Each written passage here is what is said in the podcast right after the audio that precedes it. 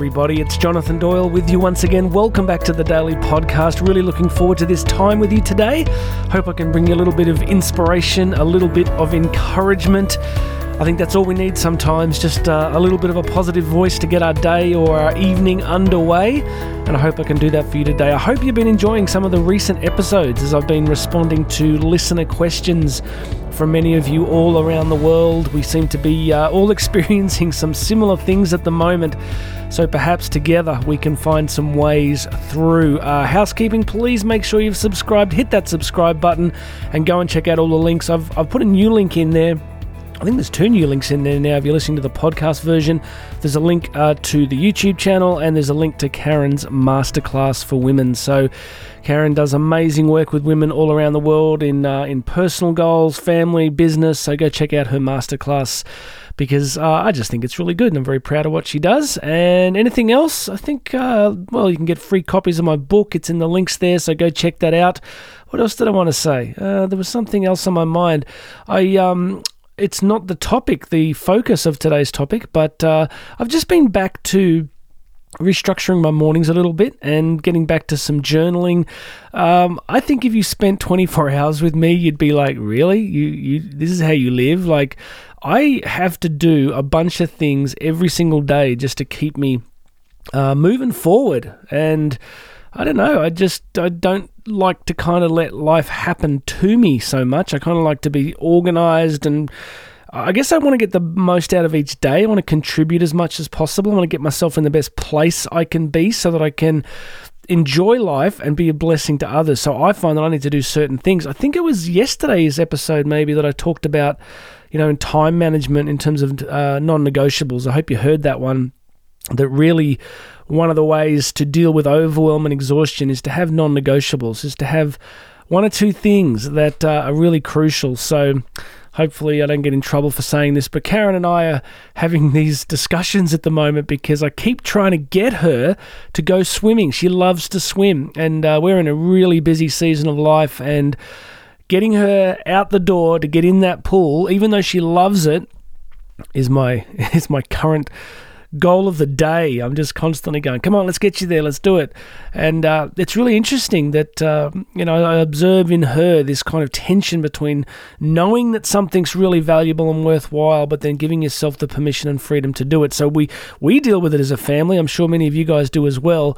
But what you find is that when you go ahead and do these things, on the other side of it, there's a real change. There's, there's so you know, this ties into today's topic, which we're about to get to in a moment, but I just want to encourage you guys to get these non negotiables in place. I'm back journaling. I'm back using my diaries more effectively so that, you know, as soon as I wake up, I have headphones on, I have music and, uh, and motivational stuff that I choose very carefully. So the second I wake up, I'm just I'm getting myself ready. I'm getting myself primed. I know some of you will be listening, going, "Really? Like that? That's how how much you're into this stuff?" I go, "Yeah, I have to be." I've I've learned I'm really you know focused on this at the moment that so much of the time our internal dialogue our cognition cannot be helping us. And so I've decided to take that sucker out of play by constantly filling my consciousness with with things that are helpful to me, with things that I find beneficial, and then I'm down. I'm I have a coffee in my downstairs office, and then I'm journaling every day, just a little bit, just to get myself clear on what matters, and then I'm into the diary, and then I'm into you know then I head out into the studio. And then get the day underway, get the training underway. So, I just want to remind you that if you want to get a little bit of improvement in life, if you want to change your reality, your circumstance a little bit, you have to do different things.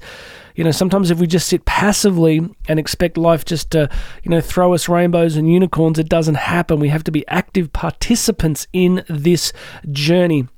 So today I'm responding to a great question from Amanda, who uh, and I try to keep everybody pretty much anonymous here unless they tell me otherwise, because I don't want someone going to work and going, "Hey, I heard a podcast today. They talked about you." So um, Amanda has asked a question about COVID burnout. She says, "Can we talk about the demands of work, home, everyday life? They've become so much, too much for so many people." How do we handle COVID burnout and find peace with our souls to be with God and re energize? Great question, Amanda. I feel it. I, I, I just one of my goals in this podcast is not going to be go deep is not going to be is to try to avoid going too deep down the rabbit hole of what I actually think about what's happened over the last few years Uh, I know that not everybody would share my views, but I. I will simply say that I think historians will look back at how vast amounts of these things have been managed and will just scratch their heads. Um, so, the COVID burnout piece, which I guess is a vast plethora of factors from lockdowns to mandates to all these different things that affected so many of us in so many ways. Um, the burnout that comes from that, look, my first thought would be at the top level, at the highest level, what we're actually talking about is recovery and healing. We're actually talking about recovery and healing.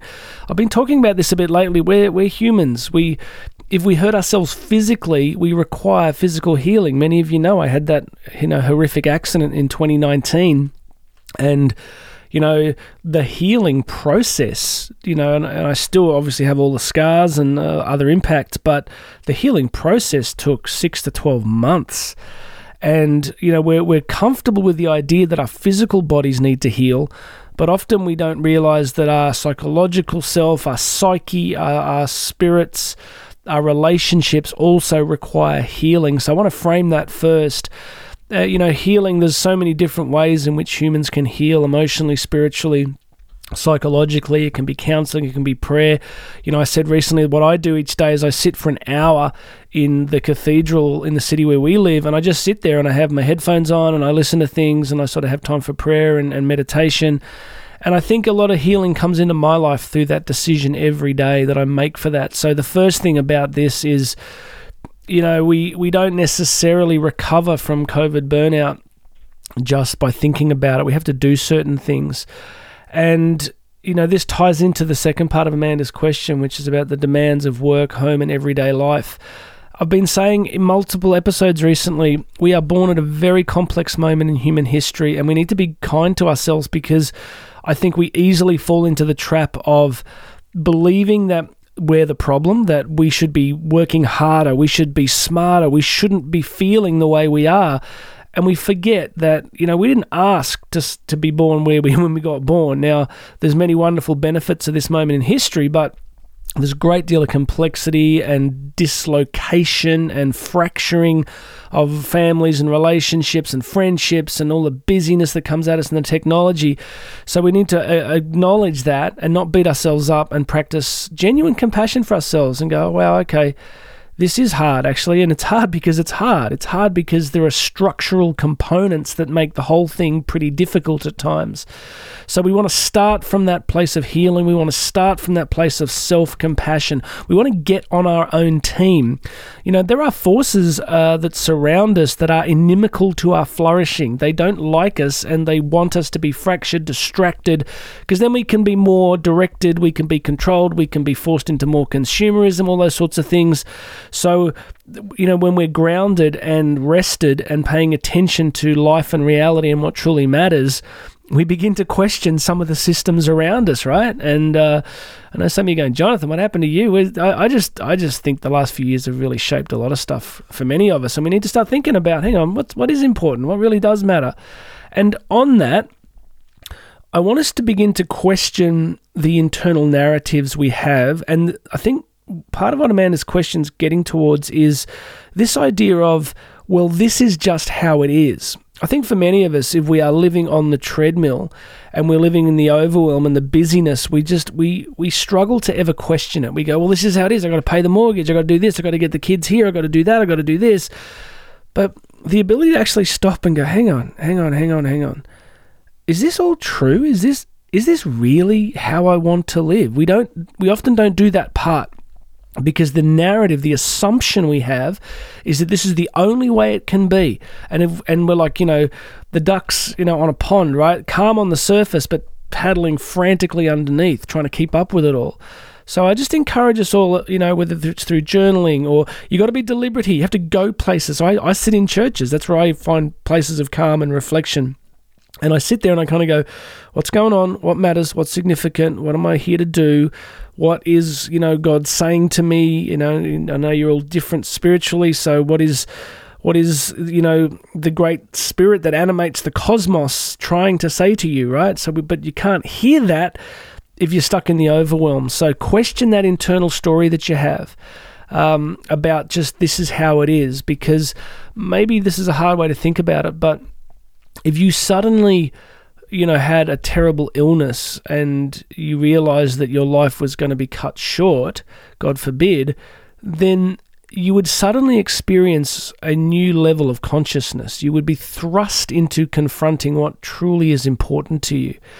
So, whether that for some people means downsizing, whether for some people it means not taking a promotion, whether for some people it means saying no to some aspect of your life so that you can be open to more time with your kids or your friends or music or whatever is important to you. So, friends, we're talking about healing, we're talking about questioning our internal beliefs about what's actually going on in our lives. And we've got to take some agency back. We've got to have some agency. We've got to take back our power and kind of go, hang on, how do I want to live? What is significant for me? What are the non negotiable, important, precious things in my life?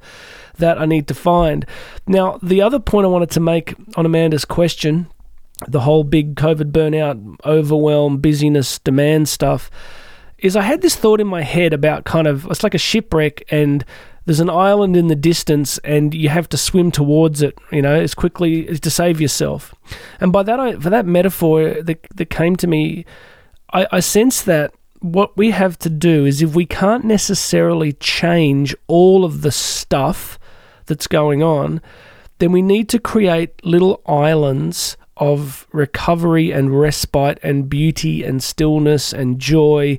So, by that I mean you're going to have to get deliberate and conscious about, you know, I guess experiencing what you really want to experience, right? So, something we've been doing a lot recently as a family is we we go to church Sunday mornings early, and then we, you know, we load up the car with all this stuff, and uh, we take off into the national park, and we've got this beautiful place with a fire pit, and and you know, very frequently on Sunday mornings we will sit out in the middle of nowhere, just uh, the five of us, and we'll have a big fire, and we'll, you know, I got I take a, a gas barbecue out there, and we cook a big breakfast. I can't confirm or deny if Karen and I open a bottle of champagne. It's the Lord's Day. We're celebrating. And we just kick a, a soccer ball and we just waste a lot of time. And it's this little island because the world goes on without us. And when we drive back into town, it's all still there. But we found this island. We found this little island and we found it because it was deliberate. And it's a leadership thing, like not blowing my own trumpet, but I decided I wanted to create something for us. While our kids are still young, I wanted to have this sort of experience together. And it's amazing what happens when you, you take your kids and they've got they've got nothing to do. There's, you know, our kids don't really use much tech, but there's even if they had it, there, there's nothing out there. There's no cell towers, so they sit in chairs and they stare at the fire and they cook things and they roast marshmallows and and go down to the river. So that's just one thing, right? And then each day of the week, I go into the church for an hour to get my island of time. And if some of you are thinking, well, I can't do that, you don't understand. Friends, you can. You can do it. You know, so I, I, it's not just I just wander off and leave Karen to take care of everything. Like I do a huge amount of stuff uh, uh, either side of these little islands that I create. So your island could be picking up the guitar you haven't played in a year. Your island could be taking out a gym membership. You know, if I could say this nicely, so many, you know, people just just don't do the thing that they want to do because they have a story about why they can't do it. It's that old saying, the French saying, you know, the graveyard is full of indispensable people.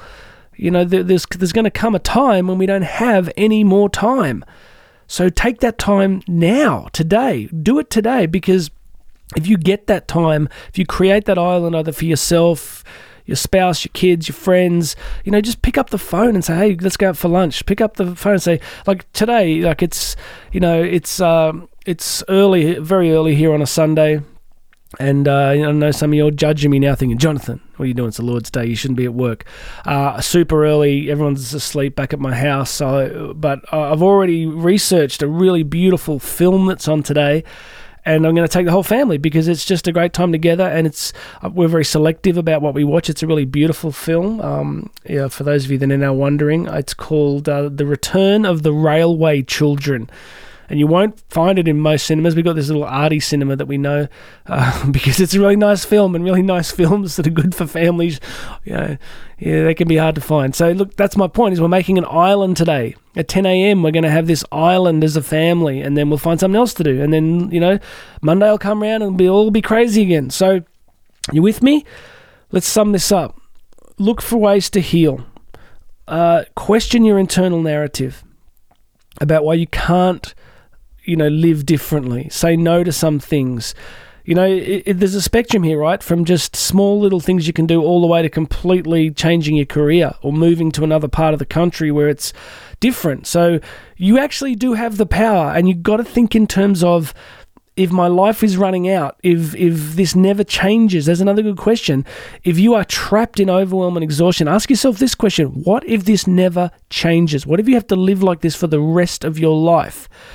Now, that can be done. There are people who've had to live under very difficult circumstances and found a way to still live beautifully. That can be done. But it is also possible to realize that there are times when we need to make significant changes. So, Amanda, thank you for your beautiful question. I, I feel what you're saying. Um, I experience it many times. I know most people listening experience it, but we are not passive. We are not pure victims. We have agency. We can change things. And all I want to say to everybody today is maybe it's not a big change. Maybe this is a little thing today. Maybe today you just swim to a small island, and maybe in a month's time you find yourself wandering around on a bigger island of rest, a bigger island of enjoyment. Do fun stuff. Do things that make you laugh. Do things that bring you closer to the people you love. All right, I've got to stop there. So, what else? Uh, listen, God bless you, everybody. Please make sure you've subscribed. Go check out those show notes, the masterclass, coaching with me, book me to speak at conferences, events. All that stuff is there. Uh, I'd love you to share this with people. I'm sure you've got plenty of friends and family members that are living under uh, overwhelm and exhaustion. So, send them this episode. Say, hey, listen to this. There's some good ideas in this. All right, I'm praying for you guys. I'm so grateful that you're listening so regularly and that the show is growing, but I really appreciate it. Um, reach out to me if you need me, uh, Jonathan at jonathandoyle.co.co, and I usually get back to people on email really quickly. Don't have much social media because I don't need any more overwhelm. God bless you, everybody. Uh, hang in there, keep walking. You got this. My name's Jonathan Doyle, and I'm going to have another message for you tomorrow.